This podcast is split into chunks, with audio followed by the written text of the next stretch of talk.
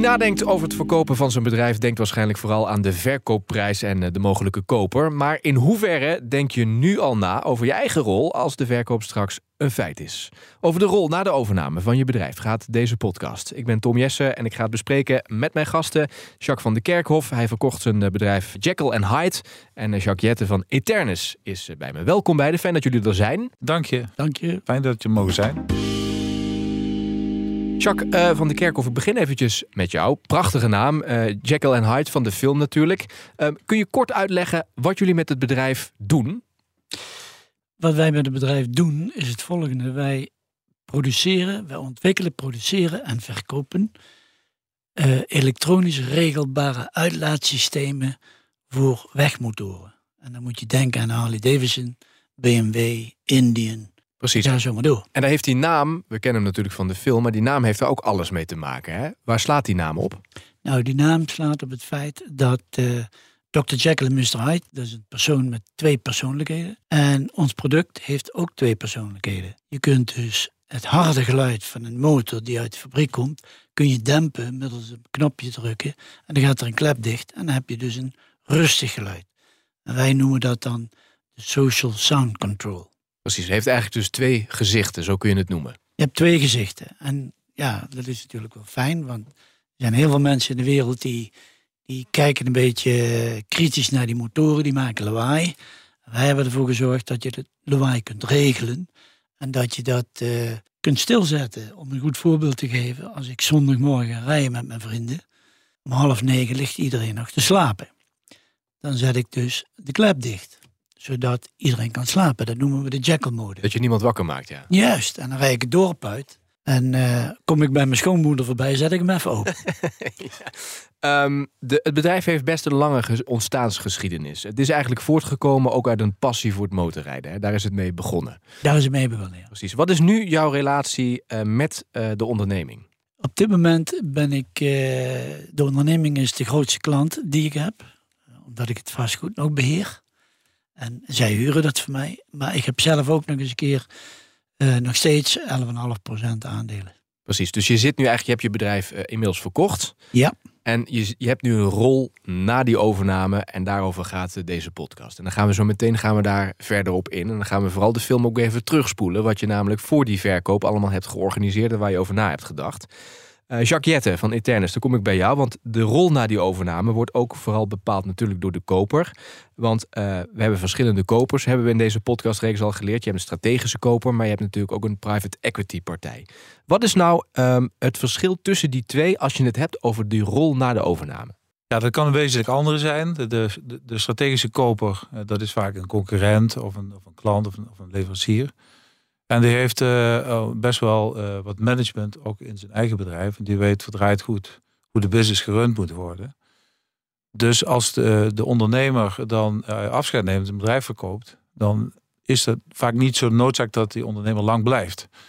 Bij private equity, als je rechtstreeks een private equity verkoopt, is het vaak een voorwaarde voor private equity dat je blijft en dat je nog een aantal jaren aanblijft. Dat kan ook heel aantrekkelijk zijn als je samen met private equity dan weer verder bouwt aan het bedrijf. Iets wat Jacques eigenlijk ook op een bepaalde manier gedaan heeft, eh, samen met zijn managementteam. Ja. Hoe is het, uh, uh, Jacques, uh, dan ga ik weer naar Jacques van de Kerkhof. Hoe heb jij je bedrijf verkocht en waar, vooral waarom heb je het verkocht? Nou ja, ik heb het bedrijf verkocht omdat ik in 2014 te horen kreeg dat ik een ernstige ziekte had met mogelijkheid tot overlijden. En toen heb ik uh, uh, toch de keuze gemaakt om te laten behandelen. Uiteindelijk, na een stamceltransplantatie in 2015, ben ik weer proberen te gaan werken. Maar dat viel zwaar tegen. Ik, was, ik had veel geleden. En uh, de fut was er een beetje uit. En op een gegeven moment dacht ik, ja, wil ik dit nog allemaal? En toen heb ik toch uh, na gesprekken met Jacques besloten, ik ga het bedrijf verkopen, want er is meer aan het leven dan alleen maar werken. En uh, ja, dat is eigenlijk de aanleiding waarom dat ik het verkocht heb. Uh, kijk ik nou terug en dan denk van ja, als ik geweten had hoe fit ik nu weer geworden ben, dan zou ik het niet direct verkocht hebben. Dan had ik wist je op in dat een paar moment jaar geworden. niet? Nee, dat wist je niet. Nee. Ik was blij dat ik, dat ik leefde. Ik woog 60 kilo. Ja, dat was het, toen, ja, toen had je zelfs een bed op kantoor. Hè? Ik kan het bed op kantoor. Ja. Eigenlijk gedurende het onderhandelingsproces werd je steeds fitter. Uh, en toen kwam ook weer de twijfel van, uh, moet ik het wel doen? Dat klopt, ja. ja. ik heb tijdens de onderhandeling een keer gezegd, ho, ho, ho jongens, het zo moet, dan ga ik gewoon door. Ja, die gesprekken, die zijn natuurlijk heel belangrijk. Hoe hebben die gesprekken in dit verhaal plaatsgevonden? Nou, allereerst uh, was Jacques wel ziek, maar die werd wel elke dag beter. Dus we hebben het natuurlijk over gehad van, uh, ja, is, is het nou wel het goede moment? Of moeten we gewoon een halfjaartje wachten? Uh, uiteindelijk zijn we toch van start gegaan, omdat Jacques er ondertussen wel ook voor gezorgd had dat er een goed managementteam stond. En dat gaf hem ook comfort. En sterker nog, hij vond het ook heel leuk dat het bedrijf op deze manier verder zou kunnen met, met een goede crew als management. Dus dat, dat was ook wel de aanleiding om, uh, en dat samen met wat Jacques net vertelde, dat je zegt, ja, we, gaan het, we gaan toch beginnen. Uh, normaal gesproken is er natuurlijk heel veel vragen die je hebt van, uh, op dat gebied van waar ga je als ondernemer naartoe als je het bedrijf gaat verkopen, wat ga je dan doen? Um, ondernemers hebben vaak die idee, dan zie je toch ook twee types. De ene die zegt van ik wil er gewoon mee stoppen. Ja, dan, dan is eigenlijk verkoop aan een strategische partij logischer, want uh, bij private equity moet je toch rekening mee houden dat je nog een x aantal jaren aan boord blijft. Precies, dat is de eis van private equity. Ja, dat is een eis. Eh, maar, maar er zit ook een hele mooie kans in. Want er zijn ook ondernemers die zeggen: ik zie het als een soort uh, voorportaal voor een definitieve verkoop. Hè, noemen we ook wel pre-exit met een chic woord. Maar dat je daarmee ook uh, voor sorteert alvast op een, op een verkoop of een aantal jaren. En in de tussentijd het bedrijf nog verder gaat uitbouwen eigenlijk is dat ook bij en Hyde wel uh, gebeurd. Waarbij Jacques ook geparticipeerd heeft nog in de, de tweede ronde. En, en, en, samen met private equity en het management het bedrijf gekocht heeft. Of heeft voortgezet. Waarbij uh, de bedoeling is dat je nog verder gaat groeien met het bestaande team wat er dan zit. Hmm. Uh, ik heb beide keuzes zijn goed. het is wel zo dat als je, als je echt wil um, stoppen op korte termijn, dan is de strategische partij vaak wel de, de enige mogelijkheid. Ja. Wat was voor jou de, de, de afweging die je hebt gemaakt uh, om met private equity in dit geval uh, in zee te gaan? Nou ja, voor mij was er eigenlijk helemaal geen discussie. Ik wilde ontzettend graag met private equity, omdat ik het bedrijf wilde laten voortgaan. De mensen die daar werkten, die, die hebben samen met mij het bedrijf opgebouwd. Dat heb ik niet alleen gedaan. Kijk, ik was wel de leider, maar zonder deze mensen kun je niet. En ik dacht, deze mensen die hebben het recht om de toekomst die ze dachten met mij samen in te gaan, om die voor te zetten. En als je dan een strategische partner verkoopt, dan weten we allemaal, die doen dat omdat 1 en 1 3 is. Mm. En die hebben zelf technische mensen, die hebben zelf management, die hebben financiële mensen. En daar vallen klappen. Ja. En dan heb je ook nog eens de kans dat ze zeggen, we kunnen de productie beter ergens anders doen. Slovenië, weet ik veel. En dat zou ten koste gaan van werkgelegenheid. En dat wilde ik niet. Dan wilde ik ook het management, waar ik, uh, waar ik zeer tevreden over was op dat moment, wilde ik uh, de kans geven om mee te liften. Uh, met een leverage die private equity wel doet. En strategische partners meestal niet. Hoe kun je dat uitleggen? Nou, dat betekent heel simpel. Als een private equity koopt, dan hebben ze meestal een, een, een, nieuw bedrijf wat ze oprichten, waar een nieuw aandelenkapitaal in komt en het overige bedrag dat wordt geleend. Zodat het aandelenkapitaal dan erg laag is en dan kan het management tegen een lage prijs instappen. En dat hebben ze ook gedaan. Dat hebben er veel gedaan. Als ik dan vergelijk, op dit moment zouden wij nu het bedrijf verkopen, dan denk ik dat iedereen uh, tien keer zoveel terugkrijg als wat hij vijf jaar geleden betaald heeft. Ja. En dat komt puur door die hefboom-effect, die leverage, omdat er een groot gedeelte geleend is, wat inmiddels al terugbetaald is. En dus is het aandelenkapitaal veel meer waard geworden. Ja. Dat zou nooit lukken bij een strategisch bedrijf. Mm Jacques uh, van Eternus, als je dus uh, dit verhaal, hè, wat klip en klaar is, hoort. Uh, hoe kun je dan, zeg maar, voordat je die deal sluit, nadenken eigenlijk over je rol die je hebt als het allemaal gerealiseerd is? Wat zijn wat jou betreft echt de zaken, de vragen die je echt eerlijk aan jezelf moet stellen en moet beantwoorden voordat je de handtekening zet? -hmm. Nou, de, de, eerste is toch ook de, de situatie van je management. Je eigen rol nu. Um, er zijn bedrijven waar eh, de, de ondernemer echt heel belangrijk is. En ik denk elke ondernemer heeft een heel belangrijke rol in zijn, in zijn bedrijf als hij daarin actief is. Maar uh, naarmate je dus meer management om je heen hebt, kun je zelf toch wat meer strategisch zijn en kun je op een gegeven moment ook uh, zeg maar afstand nemen. En als je die niet hebt, dan moet je ook eerlijk tegen jezelf zijn dat het zeer waarschijnlijk is dat je nog een bepaalde rol moet hebben na die overname. Kun je het ook creëren of is daar te weinig tijd voor? Kost dat te veel tijd? Dat kost best wel veel tijd. Ja. En, en, daarom is het ook verkoopvoorbereiding wordt vaak bedoeld als van we gaan nog wat, wat zaken oppoetsen, maar je moet echt al drie tot vijf jaar voor nemen. Want uh, nu ook bij, bij een bedrijf hebben we dan uh, dat ook voorgesteld. En dan gaat het een jaar overheen. En dan gaat het toch niet goed met de kandidaten die ze hebben aangenomen. En, en dat is vaak zo. Dus hoeft helemaal niet erg te zijn, want het gebeurt overal. Maar ja, die rek moet je wel hebben om dan met een nieuwe kandidaat toch, toch het opnieuw te proberen en het dan toch uh, uiteindelijk wel succesvol te doen. Precies, dus als even kort samengevat, als je dus geen managementteam hebt, dan is het heel lastig om je eigen rol eigenlijk wat meer op afstand te zetten. Dan zul je dus mm. eigenlijk automatisch, daar is de, de conclusie daar verbonden, dat je nog een aantal jaar moet doorwerken. Ja, zeker bij dus een, een, een verkoop aan een, een, private equity partij. Want dat, dat kun je dan nog steeds doen, maar dan blijf je gewoon zelf involved, ook financieel. Uh, maar je kunt, je kunt uh, bij een strategische partij kun je vaak wel, wel wat sneller weg. Maar dat hangt ook weer van je rol af. Hè. Dus uh, als je belangrijk bent technisch gezien of belangrijk bent commercieel gezien, ja, dan, dan zul je toch uh, ook dan in die situatie nog een tijdje moeten blijven. Het hangt ook samen met bedrijfsgrootte. Als een bedrijf heel groot is, zeg een bedrijf van 250 mensen, en je verkoopt een strategische partner, ja, dan, dan is eigenlijk wat Jacques net zei, dan gaan ze de synergie zoeken. En, en zij willen het stuur dan wel echt overnemen. Dus dan zou ik ook adviseren niet te lang blijven, want zij weten het wel en alles wat je doet, uh, moet, ja, dat, dat vergt dan toch een discussie. En dat is geen mooie manier, kun je maar beter direct afscheid nemen. En ik denk dat je in het aansturen op een, op een verkoop, dat je ook uh, moet nadenken, als je iets wil doen naar de, naar de verkoop, dat je helpt het vaak het beste als je duidelijk specificeert wat je dan precies nog wil doen. Want uh, het algemeen management blijven doen is vaak uh, geen goede succesformule. Waarom niet? Um, omdat je dan ook met een, uh, met een koper uh, vaak discussie krijgt over de opvolging. En het moeilijker is om afscheid te nemen. Oh ja. op, op, een duur moet iemand echt stuur gaan overnemen. En jouw rol kun je dan beter definiëren als ik doe nog de commerciële dingen, of ik doe nog de techniek, of de productieleiding, of whatever. Maar dat je daarmee ook uh, ja, een, een, duidelijke exit creëert voor jezelf. Anders ja. blijf je er vaak misschien langer in zitten als dat je zelf zo, wellicht zou willen. Precies. Plus je wil niet met de koper over dit soort zaken discussie hebben. Dat Juist. wil je meer over de grote lijnen hebben en de deal. Ja, exact. Exact. Oké, okay, ja. dus als we het samenvatten, welke vragen je dus moet beantwoorden. Dit is dus je eigen rol. En je moet dus kijken, heb ik een managementteam?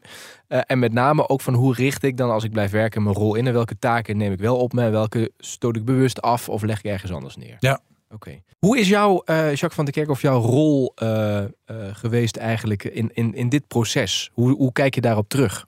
Na de verkoop zou ik gewoon uittreden.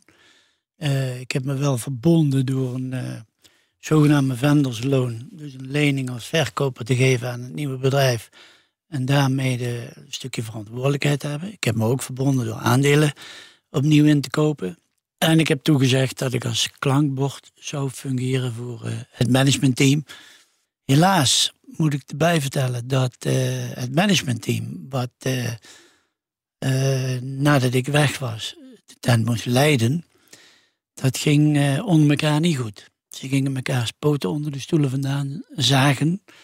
En dat heeft ertoe geleid dat de CEO eigenlijk een burn-out kreeg. En die werd uiteindelijk ook gevraagd door de private equity uh, investeerder om, om te vertrekken. Toen ging het helemaal los en toen kwamen de overige aandeelhouders. Die, uh, die deden weer een beroep op mij of ik niet terug wilde komen. Het ging niet goed. Het ging ook niet goed. En toen ben ik in 2018, dus een jaar later, was inmiddels fitter, ben ik teruggekomen.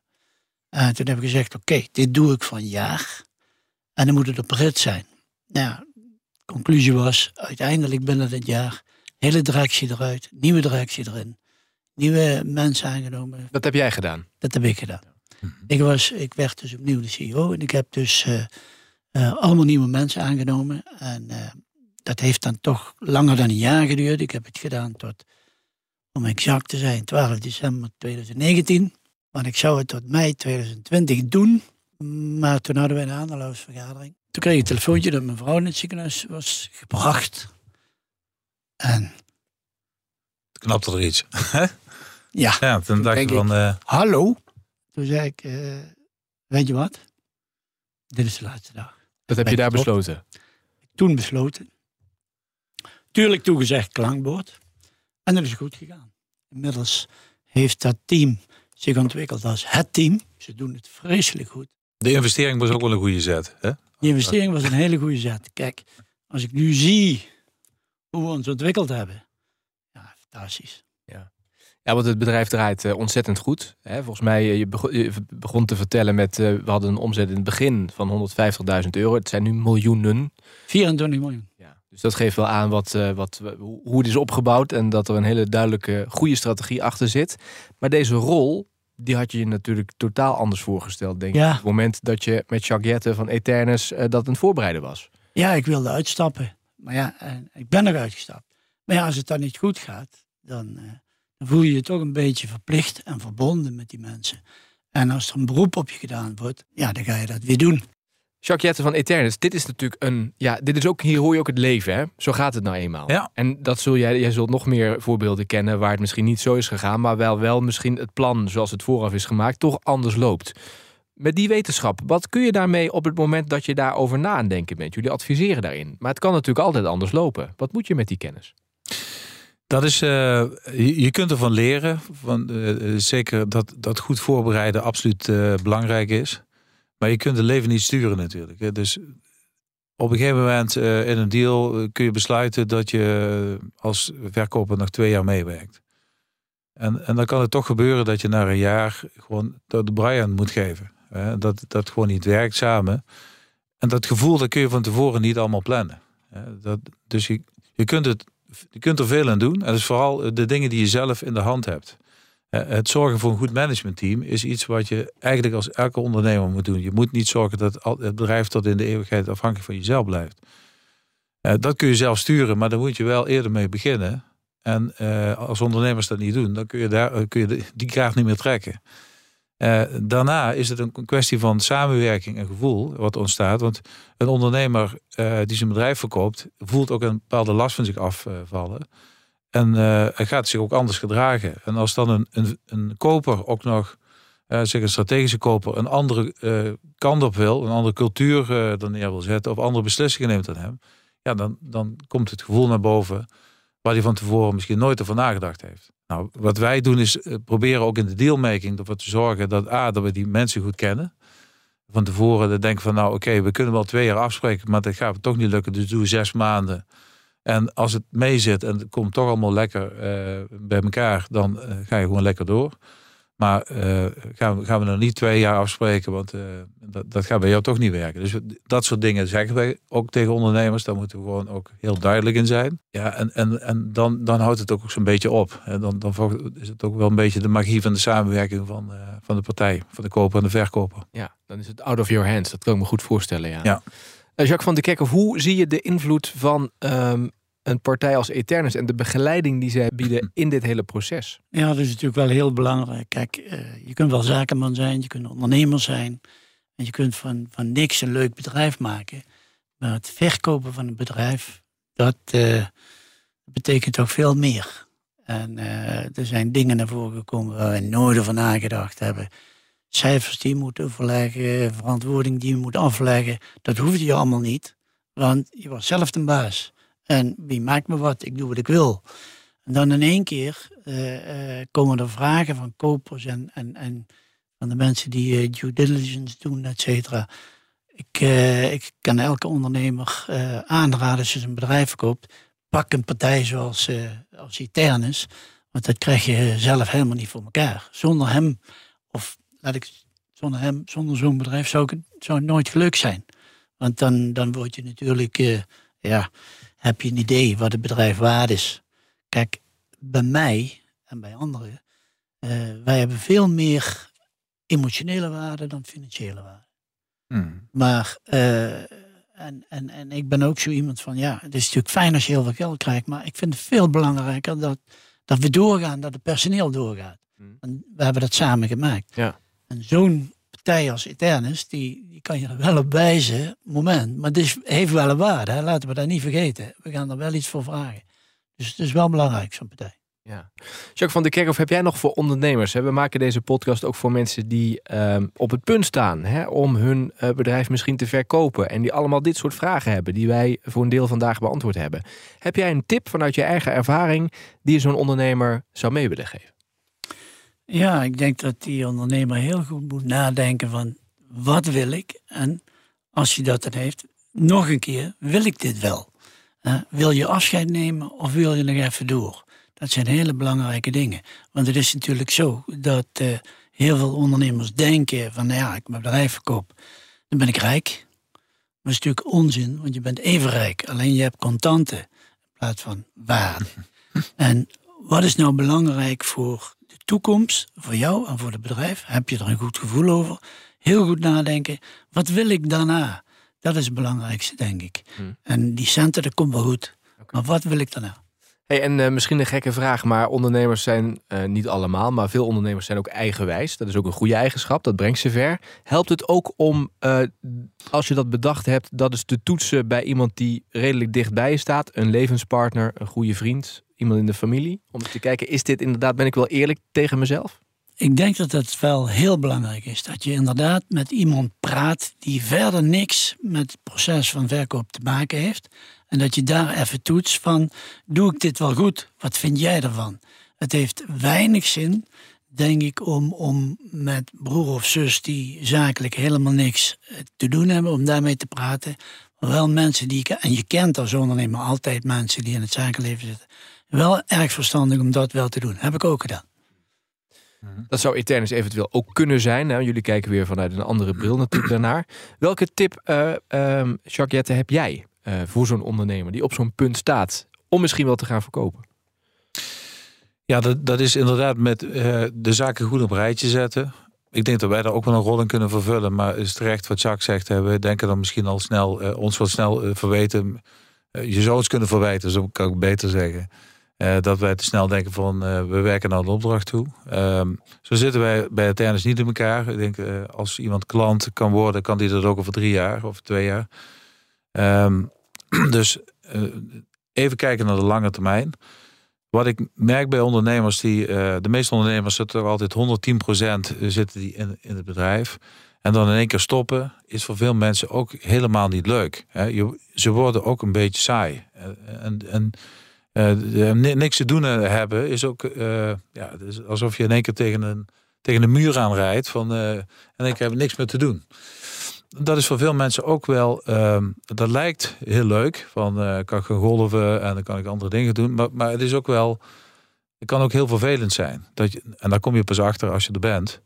En, en als iemand je kan zeggen, dat is toch helemaal niks voor jou, nu al stoppen. Dat, dat, is, dat is wel fijn als iemand het tegen je zegt. Eigenlijk is het ook waar ook. En uh, dan, dan kun je wel nog een aantal, dan, dan kun je met een gerustig gevoel ook zo'n beslissing nemen om nog een aantal jaren door te werken. Want het is veel mooier om af te bouwen. En, en te zien dat het bedrijf succesvol wordt overgedragen, wat Jacques eigenlijk ook gezien heeft. Dus dat, is toch veel mooier als dat je in één keer de deur achter je dicht trekt. En, en uh, ja, in sommige gevallen kan dat ook mooi zijn. Maar ja, wel goed over nadenken. Weet je? En, en, inderdaad met iemand daarover praten. En, uh, en de, de beste is toch vaak je levenspartner, denk ik. Die, die weet heel goed hoe je in elkaar zit. Ik denk dat, uh, dat jullie hele waardevolle tips hebben gedeeld. Zeker voor mensen die de vragen hebben, die horen bij de verkoop van een bedrijf. Ehm, daar hoorde ook een stukje openheid bij en een stukje kwetsbaarheid. Dank daarvoor. Uh, Jacques van der Kerkhof, dat je dat in deze podcast uh, met iedereen wilde delen. Dank je wel, ook dat je hier was. Graag gedaan. Jacques dank voor je expertise en uh, je ervaringen die je wilde delen. En ja, tot zover deze podcast van de Eternus. We hadden het vandaag over de rol na de overname van de verkoop. Jacques van der Kerkhof en Jacques Jette waren bij me. Als je nou meer wil weten over dit onderwerp, kijk dan op eternuscompany.nl. Je vindt ook een linkje naar die website in de beschrijving bij deze podcast. En ik zou je adviseren om je te abonneren op deze podcastreeks. Want we maken veel meer podcasts over verschillende onderwerpen die horen bij de verkoop van je bedrijf. Bedankt voor je aandacht, bedankt voor het luisteren en heel graag tot de volgende keer.